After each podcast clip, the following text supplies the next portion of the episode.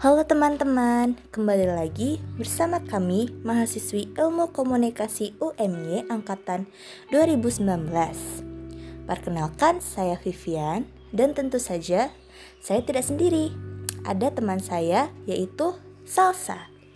Halo, aku Salsa. Nah, jadi kali ini kita akan membahas apa, Sal? Oke, kali ini kita akan ngebahas tentang lembaga penyiaran di Indonesia. Yap, betul, Sal. Kamu tahu nggak lembaga penyiaran di Indonesia ada berapa? Tahu dong, lembaga penyiaran di Indonesia itu ada empat, ya kan? Ya, betul. Jadi, lembaga penyiaran di Indonesia ini ada empat, yaitu lembaga penyiaran swasta atau LPS, kemudian ada lembaga penyiaran publik atau LPP, ada juga lembaga penyiaran komunitas atau LPK, dan yang terakhir ada lembaga penyiaran berlangganan atau LPB. Mungkin bisa dijelasin dulu nih salah satu persatu. Kita mulai dari LPS dulu ya. Oke, Vi. Jadi, lembaga penyiaran swasta atau LPS ini merupakan lembaga penyiaran yang didirikan oleh Badan Hukum Indonesia yang bersifat komersil.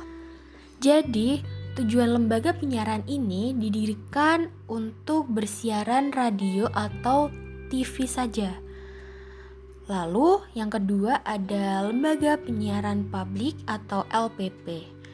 LPP ini merupakan lembaga penyiaran yang didirikan oleh negara serta mempunyai sifat yang independen, netral, atau tidak berpihak kepada siapa pun, dan bertujuan untuk memberikan layanan kepada masyarakat. Oh ya, LPP ini tidak bersifat komersil ya. Uh, segitu dulu dari aku. Untuk yang LPK dan LPB mungkin bisa dijelasin sama kamu, Vi. Oke, terima kasih Salsa atas penjelasannya. Baik, selanjutnya aku bakal ngejelasin tentang lembaga penyiaran komunitas atau LPK. Nah, LPK ini merupakan lembaga penyiaran yang didirikan oleh komunitas tertentu yang tidak bertujuan untuk komersil, melainkan untuk memberikan layanan kepada komunitasnya saja. Nah, Sifat dari LPK ini adalah independen atau berdiri sendiri. Yang terakhir ada lembaga penyiaran berlangganan atau LPB. Sama seperti LPS, lembaga penyiaran ini juga didirikan oleh Badan Hukum Indonesia yang bertujuan untuk komersil. Bedanya, LPB ini siarannya memakai sistem satelit atau kabel dan mempunyai banyak variasi mengenai program siaran mereka. Jadi, pengguna bisa memilih sendiri program apa yang mau dibeli atau dijadikan langganan. Kurang lebih kayak gitu sih Sal, semoga bisa dipahami ya. Paham Vi, paham.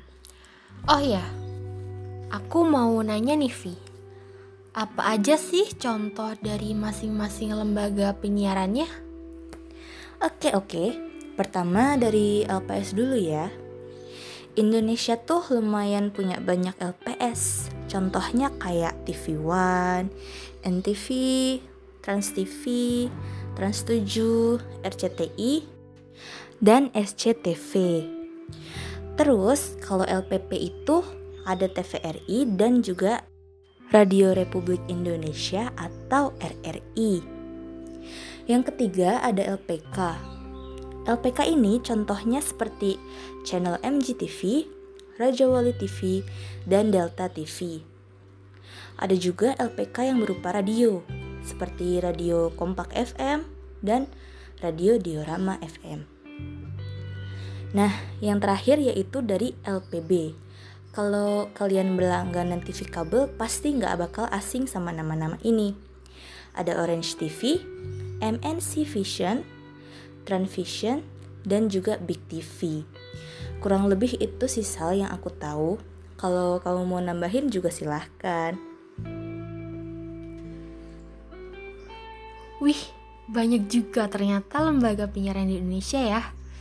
Um, segitu aja udah cukup, Vi. Yakin nih? Yakin, yakin.